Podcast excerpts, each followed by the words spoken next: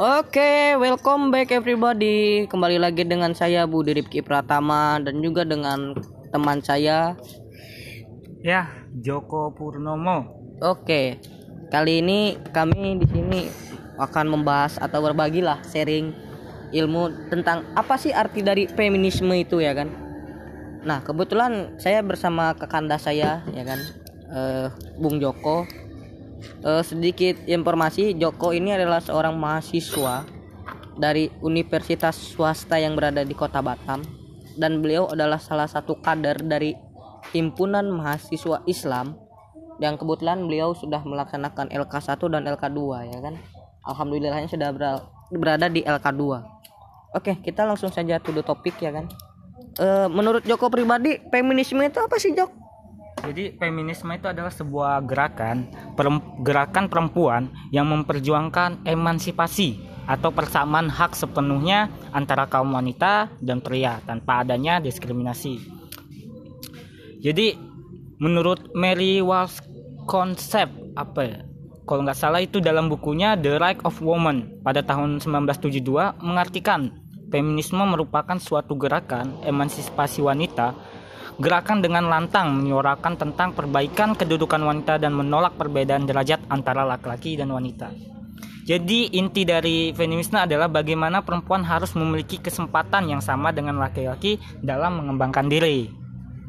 Oke Jok, kalau misalnya begitu Jok, misal nih ya kan ada kawan-kawan kita nih yang perempuan suka di apa sih diskriminasi lah ya kan secara tidak langsung des apa eh, dijas secara sosialnya ya kan? Buat apa sih anak perempuan atau seorang perempuan sekolah tinggi-tinggi hanya untuk kerjanya di dapur dan juga di kamar ya kan? Serta mengurusi anak-anak gitu loh. Jadi nggak guna gitu sekolah tinggi-tingginya itu. Nah kayak mana Jok pandangan lu tentang kayak gini Jok? Sebenarnya itu pandangan orang awam ya. Karena feminisme itu terjadi dan mengebu-gebu pada saat di abad 21 ini. Di mana di mana di sini ada 8 karakter. Yang pertama itu karena kita hidup di abad 21, yang kedua itu pernikahan usia dini. Yang ketiga Jok apa Jok? Yang ketiga itu feminisme juga bukan cuma untuk perempuan. Oke, terus yang keempatnya Jok? Masih banyak anggapan laki-laki dan yang lebih berharga dari anak perempuan. Nah, seperti itu makanya banyak orang-orang melarang feminisme ini terjadi karena anggapan laki-laki itu selalu menuntut perempuan itu di bawah laki-laki. Di bawah laki-laki. Oke, Jo. Nah. Yang kelimanya, Jo. Hmm. Nah, so ini sebenarnya wanita itu harus berhak untuk ber, berbusana sesuai keinginannya. Jadi ya kalau untuk masalah busana wanita itu ya notabene itu tergantung dari wanita itu sendiri. Oke kalau misalnya begitu Jok uh, apa sih alasan lu ketika lu bilang karena kita sudah berada di abad ke-21 ini kok lu bisa ngejustifikasi seperti begitu sih Jok? Jadi menurut generasi milenial ya di pada abad ke-21 di mana di sini generasi Y ya adalah generasi yang kritis mempertanyakan segala hal setiap saat. Mereka cenderung mulai meninggalkan peraturan peraturan-peraturan kuno yang pandangannya kaku. Oke. Okay. Nah. Oke. Okay. Terus kenapa lu sampai tadi berani berstatement nih Jok ya kan? Feminisme itu bukan hanya untuk seorang perempuan ya. Sedangkan kita juga tahu ya kan. Feminisme itu adalah kesamaan emansipasi antara wanita dan juga pria gitu dan lu tadi ngejustifikasi berstatement atau berargumen kalau uh, feminisme itu bukan hanya untuk perempuan gitu. Jadi kalau bukan hanya itu ya jadi feminisme ini se sebuah gerakan ya. Jadi kalau hanya perempuan yang bergerak ya laki-laki juga uh, akan terjadi saldi sahut gitu ya kan di mana di sini eh, laki-laki juga harus menyuarakan aspirasi dari perempuan itu sendiri. Karena kalau tidak adanya suara dari laki-laki itu sendiri ya tidak akan terjadinya feminisme. Oke berarti kalau secara tidak langsung uh, eh, gue misalnya jadi seorang ayah mendorong keinginan anak gue untuk eh, misalnya bercita-cita menjadi seorang eh, dosen ya kan? Berarti secara langsung kalau mau seorang dosen itu harus mumpuni minimal ya kan S2 ya kan maksimal S3 ya kan secara tidak langsung jenjang pendidikannya harus tinggi gitu berarti kalau misalnya gue mendukung keinginan anak gue berarti gue mendukung feminisme juga dong Yap, betul. Karena gimana ya, perempuan juga bukan hanya di dapur sih. Kalau lebih tepatnya perempuan itu pendidikan itu sangat penting. Di mana di sini ya pola pikir laki-laki itu lebih lebih ke logika ya, sedangkan Oke. perempuan itu lebih ke hati. Jadi apabila wanita lebih ke apa menyuarakan dengan logika dan hati mereka itu sangat luar biasa bagi pria bahkan bakal ba- bahkan wanita pria itu bakal kalah sama wanita itu sendiri karena kenapa wanita selalu memikirkan dengan hati dia dengan logika dia sedangkan pria itu logika dia sangat kuat Oke. Berarti secara tidak langsung gue udah bisa nyimpulin kayak gini. Ketika kalau gue pribadi nih Jo ya kalau kalau udah mendengar eh, statement lu kayak gini berarti gue secara tidak langsung bakalan berani berstatement seperti gini Jo. Ya lu ketika lu menikah ya kan. Yang penting istri lu itu nerima lu apa adanya ya kan. Dan yang penting setia sama lu. Masalah dia bisa masak atau nggak bisa masak yang penting kita hidup bahagia betul tidak?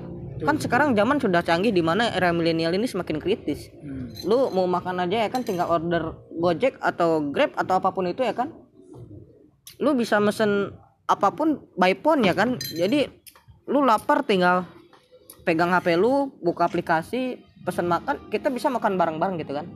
Nah untuk bisa memakan barang-barang ini Jo kita langsung secara finansial kita harus besar dong. Ya gua pasti mendukung dong istri gua mau bekerja. Yang penting bekerjanya sesuai dengan ketentuan yang berlaku gitu.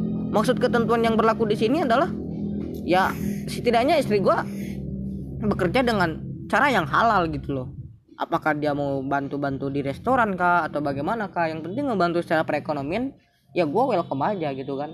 Karena toh kalau gue pribadi nggak sanggup untuk bisa membiayai secara perekonomian beliau ya kan ya gue juga harus sebagai laki-laki harus tahu diri ya kan. Akan tapi kalau misalnya gue di sini bisa nih secara langsung nih kan eh, membantu perekonomian bini gue ya kan ya gue mempermasalahkan lu mau ngapain kerja lo gua masih bisa nafkahin lu ya kan? Eh, betul kan? Betul. Betul nah sekarang tadi lu berani berstatement nih yang paling gua ini nih agak apa? Agak gua garis bawah ini Jok. Lu berstatement kalau misalnya anak laki-laki itu lebih mulia daripada anak perempuan Jok ya kalau nggak salah. Ini lu berani berstatement gini ngeri-ngeri nih Jok sebenarnya bukan seperti itu sih. Statementnya itu kebanyakan masih banyak lelaki yang berstatement bahwasanya mereka lebih tinggi daripada perempuan. Sedangkan memang ya istilahnya istilahnya malah kebalikannya. Perempuan itu yang lebih tinggi. Jadi tugas dan kewajiban laki-laki yaitu menjaganya. Nah apabila terjadi misalnya contohnya dari Bang Budi ya. Bang Budi menyuarakan bahwasanya dia mampu untuk menafkahi istrinya lahir dan batin ya kan? Dan sedangkan istrinya contoh kasus lah contoh kasus istrinya ini kepingin nikah eh, kepingin bekerja gitu. Di mana di mana pe- di mana dia tidak mau terlalu banyak di dapur gitu. Nah itu sebenarnya itu kewajiban suami. Kewajiban suami di mana ya harus memiliki statement di mana istri ini ya punya peluang juga untuk hidup berkarya gitu. Jadi memang harus adalah namanya kesetaraan gender apabila istri ingin ya kita wajib untuk uh, memperdulikan keinginan dia. Tetapi beda dengan kasus kalau pekerjaannya di luar dari batas batas di mana suami tidak bisa tidak bisa apa bertemu atau di mana gitu. Nah, itu harus kesadaran dari istri sendiri. Jadi harus dibatasi juga. Berarti kalau misalnya bini gua nanti pengen bekerja di NASA nih misalnya kan pengen jadi seorang astronot ya gua juga pasti larang lah Jok kalau udah kayak gitu. Nanti gua jatah malam dari mana anjing? Ya nah ya kan? Kecuali kalau bini gua mau dipoligami nah itu beda kasus. Kalau, kalau poligami itu sebenarnya kalau poligami itu ya kalau menurut Nabi ya kan Nabi kan ada empat ya? Oleh istrinya ya. ya Nabi Muhammad ya. Iya, yang Nah, penting itu iya kita yang kan penting, iya ya. kita kita kita diperbolehkan Ya, untuk poligami. itu Tapi kan sunnah. gua agak ngeri nih Jok ketika lu bilang itu adalah sebuah sunnah Jok. Karena setahu gue Jok ya kita sebagai pria memang diperbolehkan poligami. Tetapi kan di ayat selanjutnya dibilang yang penting adil. Nah adil ini Jok arti katanya itu menempatkan sesuatu pada tempatnya. Ya betul. Jadi menurut kata adil ini sebenarnya itu tergantung dari persepsi dari kaum kaum itu sendiri. Jadi ya kalau wanita men- mencukupi keadilannya ya apa salahnya makanya setiap kita mau poligami kita harus pertanyakan kepada yang bersangkutan seperti istrinya gimana kayak gitu. Jadi kalau mau poligami ya kita harus tanyakan dulu. Karena kenapa? Ya wanita juga wajib menolak dan juga wajib menerima gitu maksud dan tujuan dari pihak laki-laki. Ya, makanya dari itu ya untuk ke gimana ya untuk kalau perempuan ya gimana kalau suaminya memang orangnya suka pecicilan atau apa gitu. Ya pandai-pandai ber berselok lah. Ya kan Iya, pandai-pandai berdandan berpakaian biar nggak ngebosenin pihak laki-lakinya juga gitu. Ini nih yang gue demen nih, ya kan. Tetapi kalau gue beranggapan dari segi wanita, lu cewek, lu kan setidaknya udah memilih gue ya kan, udah berani menikahi gue ya berarti lu mau nerima gue apa adanya dong. Kalau lu masih nyuruh gue untuk make up ya berarti lu belum bisa nerima gue apa adanya lah ya kan. Kayak gitu logiknya ya kan. Kalau gue pribadi statement gue lah ya kan, argumentasi gue. Cuman di sini yang bikin gue mendebarkan jiwa itu ya kayak kayak gitu ya kan. Di mana ketika feminisme ini salah digunakan gitu Jok. Yang maksud salah digunakan untuk apa? Jadi ketika lu apa merasa tertekan terus lu bilang wah ini kan feminisme gitu kan. Lah ini kan gini kesetaraan hak gini ini ini. Dan itu yang bisa menyebabkan salah kaprah Jok kalau menurut gua pribadi. Iya betul betul betul. Salah kaprah. Di mana sebenarnya ya tergantung dari keadaan sih. Perempuan ini berhak memenuhi kewajiban, tapi perlu perlu juga restu dari suami. Jadi ya untuk suami istri ya terbuka dalam pola pikir itu wajib sih. Jadi kita dalam berhubungan suami istri itu juga kita harus terbuka apa yang dia inginkan, apa yang kita inginkan itu. Jadi kalau untuk perempuan ya kita memang harus terima apa adanya. Apa lagi pula ya namanya juga menikah ya kan. Ya, kita harus ya terima dia mau buluknya jeleknya gitu kan. Tapi ada keadaan di mana sebuah hubungan itu memang rasa jenuh itu pasti ada. oke oke Jok ada. oke Jok kalau misalnya seperti begitu Jok gini Joknya gua ada statement baru nih Jok lu mau nggak nih menikahi seorang wanita yang sudah tidak perawan Hmm, kalau hal seperti itu ya, itu gimana ya sebutannya? Ya kalau dia memang terima saya apa adanya, toh nggak masalah sih. Dan saya berkewajiban untuk dia ya sepenuhnya ya, bertobat lah dengan dia yang sudah yang pernah terjadi seperti itu gitu. Karena di tahun-tahun sekarang ya, apalagi zaman-zaman sekarang itu banyak-banyak terjadi ya sesuatu yang di luar batas lah gitu. Karena memang sih ya kita tahu lah di abad 21 dan abad di zaman dulu itu berbeda. Gimana pola pikir perempuan di zaman dulu sama pola pikir di zaman sekarang itu berbeda. Begitu juga dengan laki-laki pola pikir laki-laki di zaman dulu sama zaman sekarang itu berbeda. Ya itu tergantung dari kesepakatan dari dua belah pihak. Oke Jok. Kalau misalnya gini Jok. Gue kalau gue pribadi nih Jok ya untuk statement yang gue lontaran barusan ya tergantung dulu Jok. Ya betul tergantung. Lu nggak perawannya itu gara-gara apa? Apakah sebuah by incident kah? Kan ada tuh orang yang selaput darahnya apa gampang sobek karena bekerja bekerja berat menjadikan tidak perawan lagi ya kan?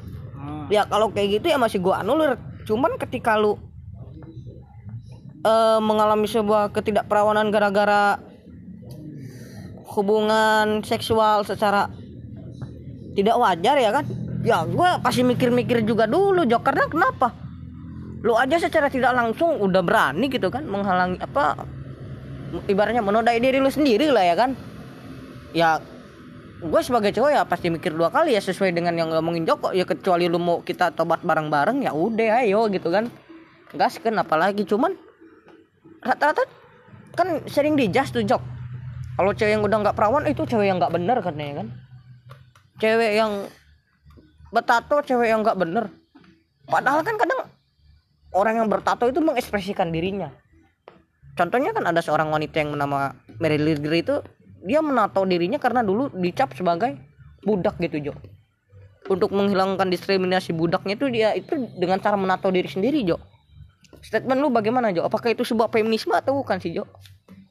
Sebenarnya pemberontak ini pemberontakan ya pemberontakan. Di mana sebenarnya ya itu juga termasuk feminisme tapi di luar nalar. Karena sebenarnya pemikiran kita ini sangat hancur dengan feminisme ini.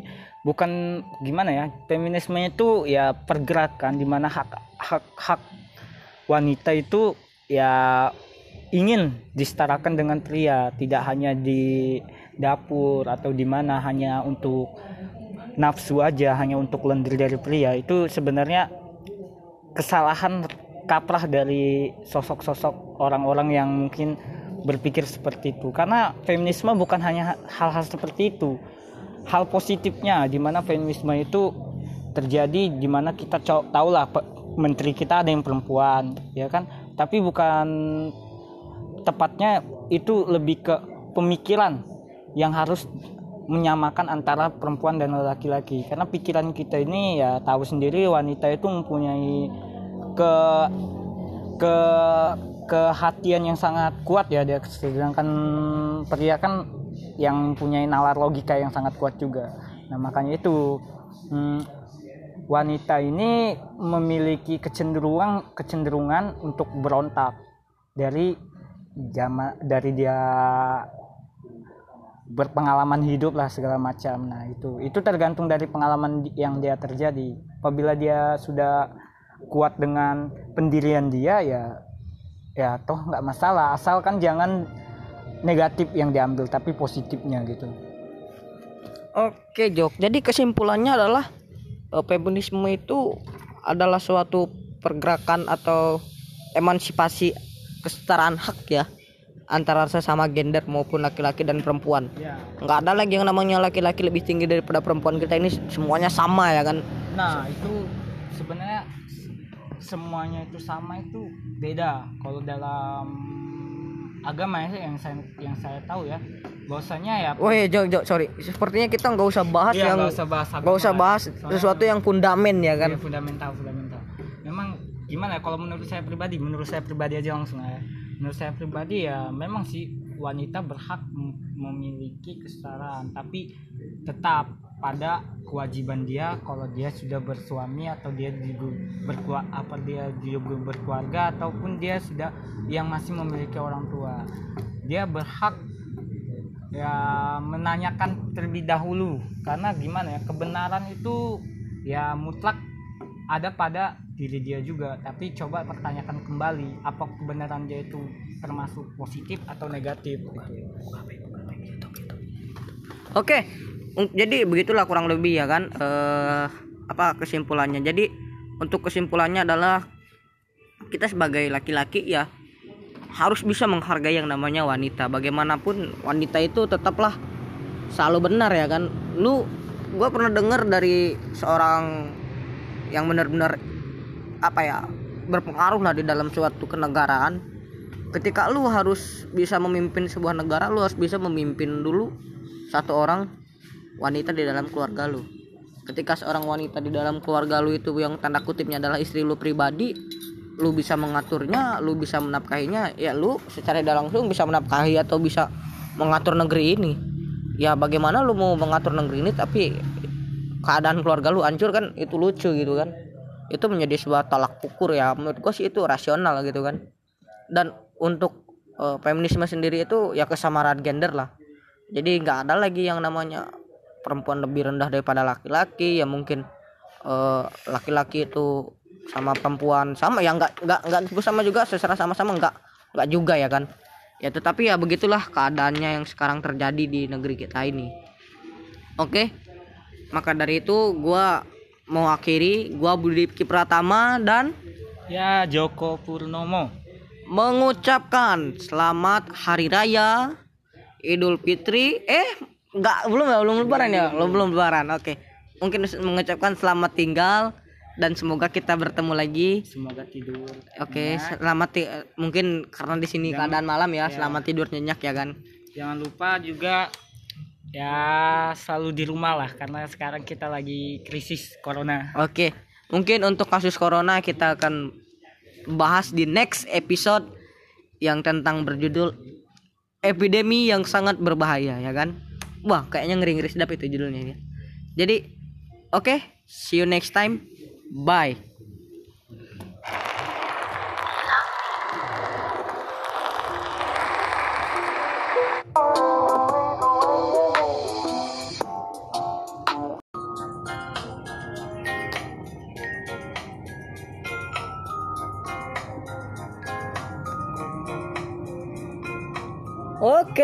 Oke. Welcome back teman-teman semua. Kembali lagi dengan saya Budi Rifki Pratama dan juga teman-teman saya di sini ada What's up guys? Nama saya Joko Purnomo.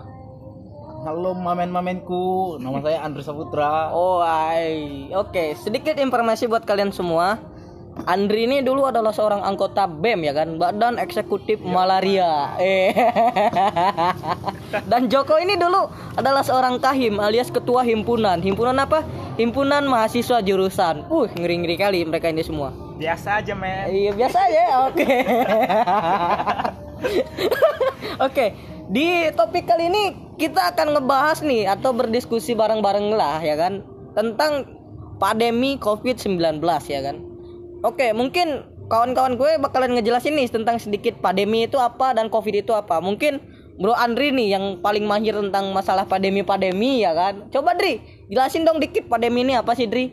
Jelasin ke kawan-kawan kita ya kan. Pada pendengar-pendengar kita nih. Coba jelasin Dri.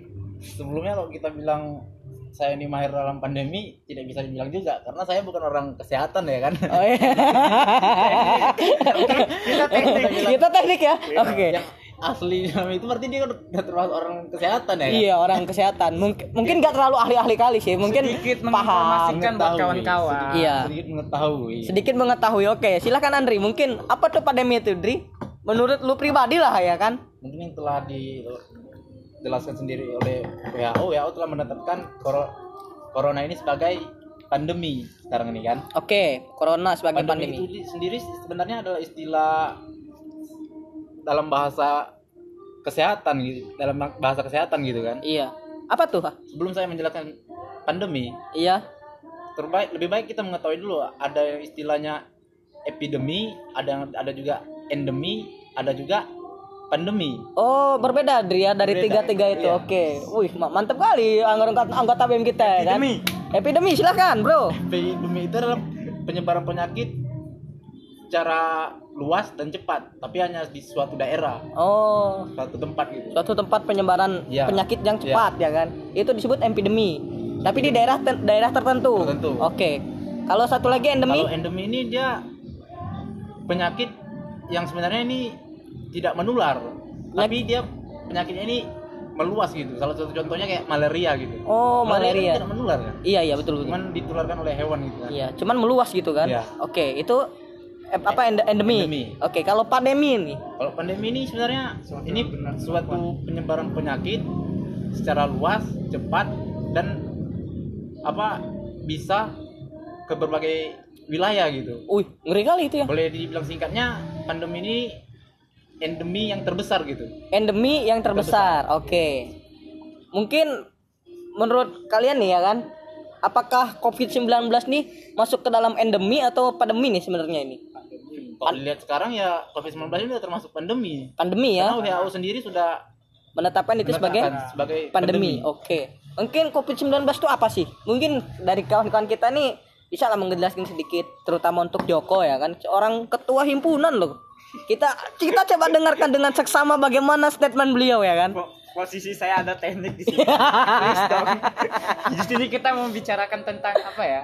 COVID-19 yang terbaru ya. Iya, Di sini COVID-19. sebenarnya COVID-19 itu suatu coronavirus yang terbaru di mana di sini terjadi ya itu kata dari dari Andri sendiri ini sebuah gejala pandemi di mana pa- di gejala-gejala ini udah menyebar luas bahkan sampai ke pelosok dari awal pertama Wuhan ya Wuhan ya kan Italia ya kan Terus ada lagi lah Oke. Pokoknya kita nih sekarang yang di Indonesia inilah yang yang di yang kita tahu di Indonesia sekarang udah terjadi bahkan sampai uh, pemerintah udah menyarankan untuk kita 14 hari di rumah berarti sekitar dua minggu ya. sekitar dua minggu Oke. jadi sepo- virus ini ya terkait virus ini sangat-sangat itu ya sangat-sangat menyebar luas di mana yang yang akan terjadi ya kematian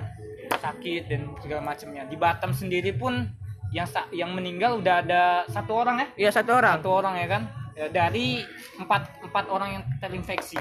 Oke. Nah, ya, tiga orang itu masih rehabilitasi Satu orang udah mati ya. satu orang udah udah tinggal sudah mati dia Udah ma- oh meninggal, meninggal, mati. Udah Kalian meninggal. ini seorang akademisi tapi bahasanya tidak terjaga.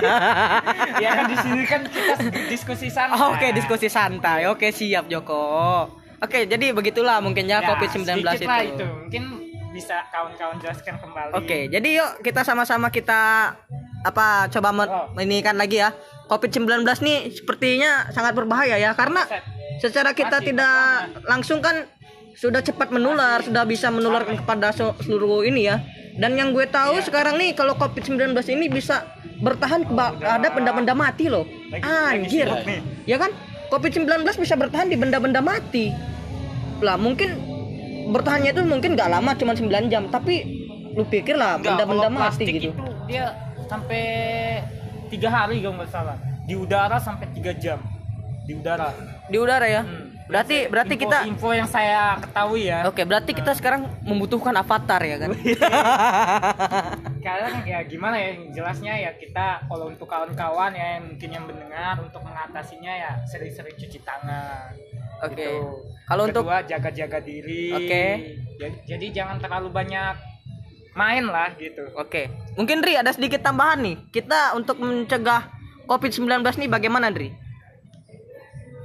Cara mencegahnya ya seperti yang telah di, pemerintah sampaikan gitu kita harus menjaga kesehatan tubuh ya rajin-rajin cuci tangan dan saya sebenarnya agak agak apa ya agak miris melihat banyak warga yang menimbun stok-stok seperti masker, Masker, hand ya. sanitizer di sini mereka seperti mengambil Keuntungan. kesempatan dalam kesempitan gitu Udah kayak ini ya, apa judul-judul film Warkop ya kan? mereka memperkaya diri sendiri tanpa memikirkan banyak manusia yang membutuhkan apalagi pihak rumah sakit sekarang bahkan eh, kekurangan stok APD gitu kan Iya, alat perlindungan diri ya kan? Yang benar-benar standar WHO ya. sementara masyarakat malah banyak yang menimbun seperti masker hand sanitizer Dan mungkin yang bahayanya lagi nanti kalau udah banyak yang Makanan. apa ya Iya, itu iya. dia yang bahaya itu kalau sembako udah- udah, ditimbun Udah nah, ini nih, ini nih. Kalau masalah masalah penimbunan sembako gara-gara kepanikan sosial ya kan?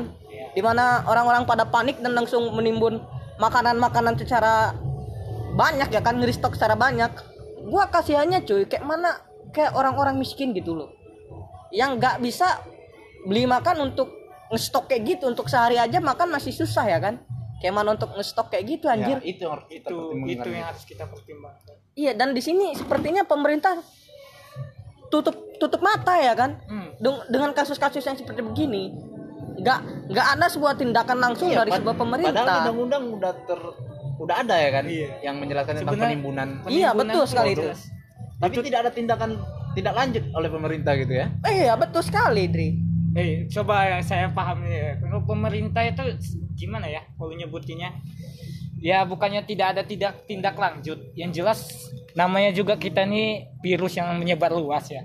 Ya kan virus yang menyebar luas itu ya eh, di sini ya kayak keadilan sosial, kayak hak asasi manusia itu harus terjaga juga. Jadi lebih ke kepedulian masyarakat. Jadi sini kami mau jelaskan kawan-kawan yang mungkin ingin atau beralasan menimbun atau apa itu harus pedulilah terhadap masyarakat masyarakat yang seperti ini gitu.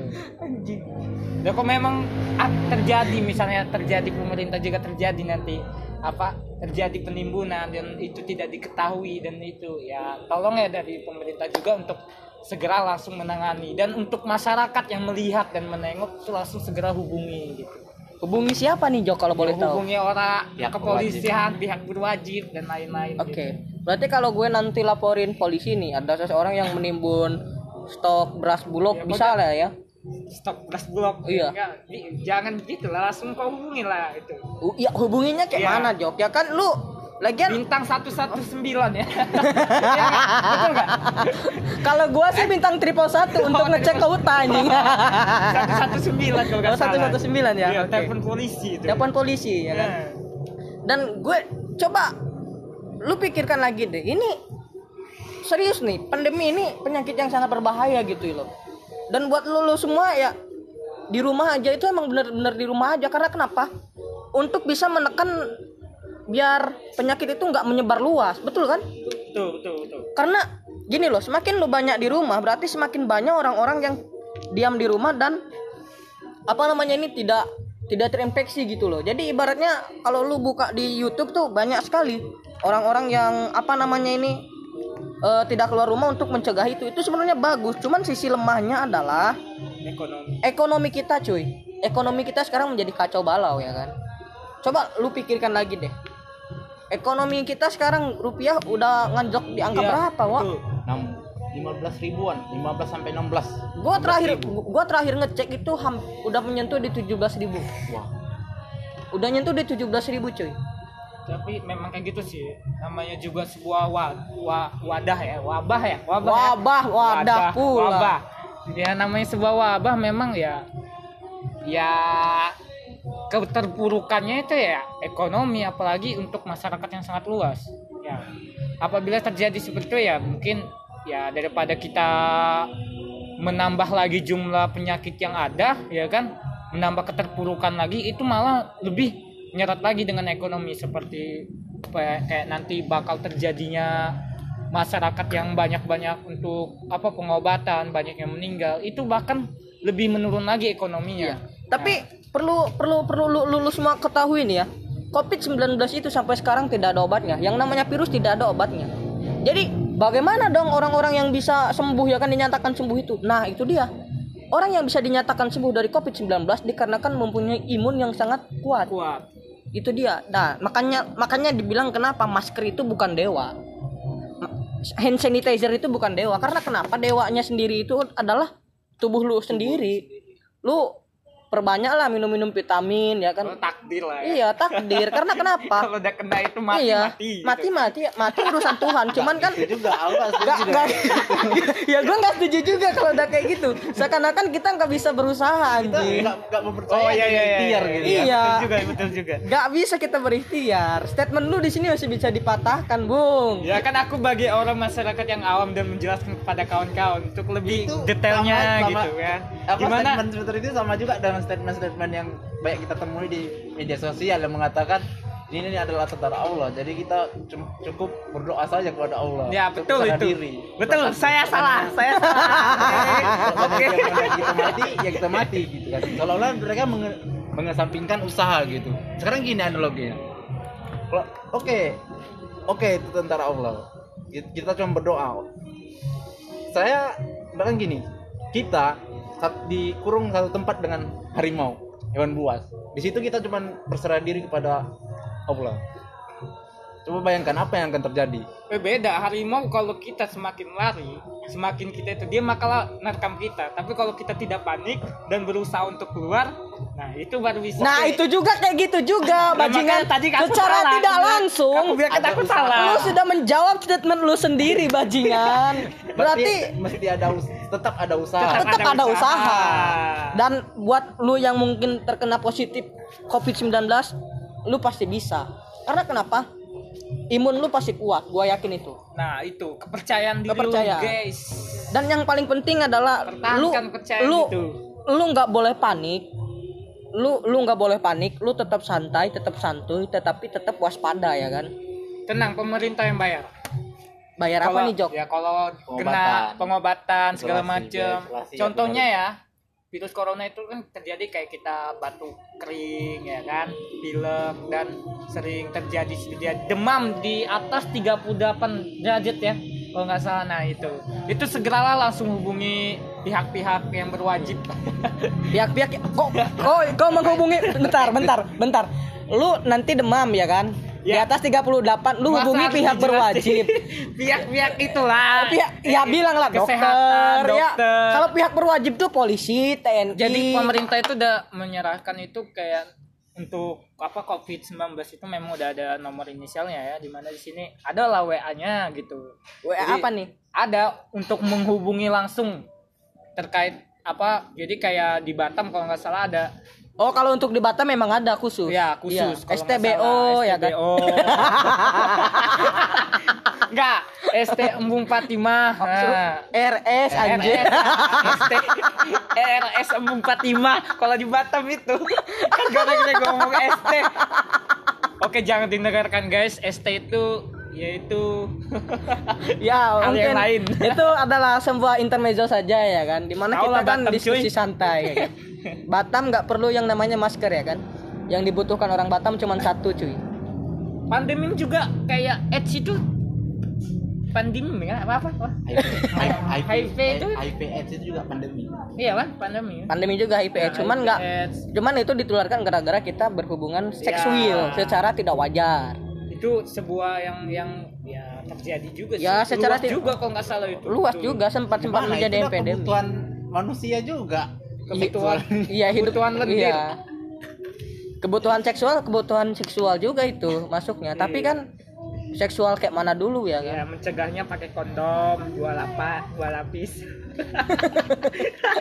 Biar biar kelihatan besar ya Jo ya?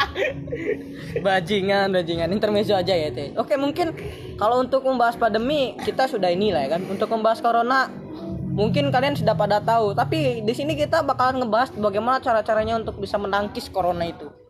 Ya yang pertama sih lu. Kalau udah ke mana-mana yang paling penting cuci tangan sih bro ya kan? Iya. betul. Cuci tangan cuci tangan mesti pakai hand sanitizer cuci tangan. Nggak Pakai perlu. Sabun-sabun yang bisa membunuh kuman itu kuman itu udah cukup itu detol sabun detol ya kan lu kalau misalnya nggak nggak ada sabun di rumah pakai rinso juga bisa dia ya kan? 99 persen satu persennya apa? Iya kan? Detol iklannya 99 persen. Iya 0,1 persennya? 0,1 persennya. Corona. Masih ada gitu. Ya. masih ada. Tergantung imun lah. Tergantung imun lu lah. Kembali lagi itu ya kalau secara tidak langsung gue udah ngebaca nih di salah satu blog ya kan kalau misalnya sperma itu adalah menghasilkan imun terbesar. Uh sperma cuy. Transferma sperma. Dong. Sperma bisa mencepatkan imun yang sangat besar. Menurut kalian berdua kayak mana itu? Sperma bisa menimbulkan imun yang besar. Alasannya apa bisa ya, Ya. itu dapat dapat dapat dari mana itu? Ya gue dapat dari blog-blog yang mungkin tidak dipercaya sumbernya. Serius, tapi serius aku baru denger sih. Gitu Iya. emang da- da- sperma tuh punya imun yang sangat kuat. Iya sperma bisa menciptakan imun yang sangat kuat cuy. Ciptakan anak iya bodoh. Menciptakan anak juga iya mungkin. Tapi harus ada yang namanya sel telurnya. Yo kalau berarti kalau kayak gitu kita cuci tangan pakai sperma aja gitu. iya. Eh, sperma imun anjing bukan bukan itu. Oh iya. imun anjing kita imun. cara cara membuat makanan dengan Iya. sperma gitu. Betul berarti gitu. eh, ada yang pernah kayak gitu loh. Ada kalau nggak salah aku di di nonton nonton juga ya. Itu kalau nggak salah di di luar sana ya. Itu gunain sperma untuk makanan. Iya ada pernah. Ada ada ada. Itu nama wanitanya itu eh, siapa? Pokoknya cewek ya kan? Cewek, iya, cewek perempuan. cewek cewek perempuan. Tapi kalau sempat laki-laki yang kayak gitu perlu dipertanyakan. Bahaya ya. Bagaimana seksualitasnya ya? Tanda kutip nih. Nggak boleh itu hak oh iya memang hak ya kan tetapi betul kan itu hak itu bahas lagi Iya. Oke, back to topic, back to topic, back to topic.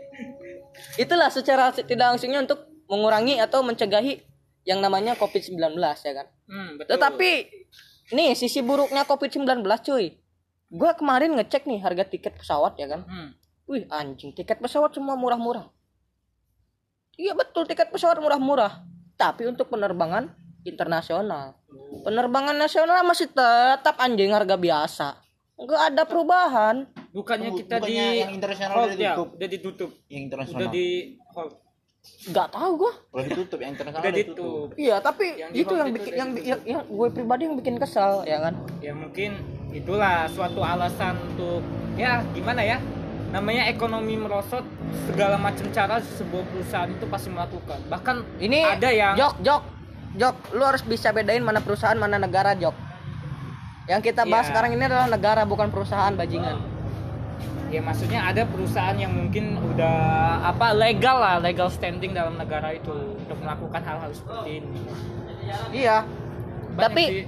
tapi yang perlu kita garis bawahi di sini adalah COVID-19 ini sudah merab, meraba apa udah menjadikan sebuah kepanikan internasional ya kan?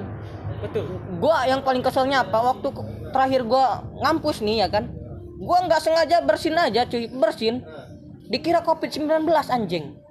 Itu udah menjadi sesuatu hal tapi yang udah wih, menjelaskan kan dari wajah dari segala macam. Memang virus. Ya wajah gue emang jelek jok. Gue gue tahu itu. Lu lu Dari- lu jangan main fisik di sini sekarang jok. Oh oke sorry bercanda ya. Intermezzo intermezzo. intermezzo. Oke untuk kalian mungkin di sana jadi kesimpulannya apa nih untuk teman-teman kita yang mendengarkan di rumah sana nih kasih Buat- dong kesimpulannya buat kawan-kawan yang di rumah sana yang Ya, yang mendengarkan mendengarkan lah ya. Coronavirus itu bukan ya coronavirus itu kita bisa ngatasinnya. Percayalah dirilah karena imun itu juga terjadi dengan kepercayaan diri kita. Apabila kita selalu lemah ya, selalu selalu cuci tangan lah, selalu jaga jaga kesehatan badan, makanan-makanan yang berprotein ya kan. Iya. Nah, seperti itu. Oke, Jadi, mungkin itu dari Andri? untuk daya daya kuat dari kawan itu Oke, sendiri. oke, oke. Dari Andri? mungkin buat yang mendengarkan maupun yang sudah terkena COVID-19 ataupun belum sebaiknya masyarakat umum masyarakat luas gitu ya Iya, oi. Janganlah terlalu panik dengan virus corona sing Kena- kenapa karena di sini adalah sebuah virus yang mana virus ini bisa kita Atasi. atasi deng- dengan ya seperti disebutkan tadi imunitas sendiri gitu kebanyaklah vitamin C sering-sering berjemur Oke. Dan jangan lupa adus ya kan? Jangan mentang adus Adus, adus. Adus. Masa kalian berdua nggak tahu? Apa sih Oh, sorry, sorry. Iya, iya, iya. Kalian kalian non muslim memang. Sorry. Oke. Aduh sama. apa? Aduh, sumpah gak tahu. gua. Oke, sekian dari kami. Yo. WhatsApp dan untuk kalian di sana stay Wassalamualaikum warahmatullahi wabarakatuh. Oke.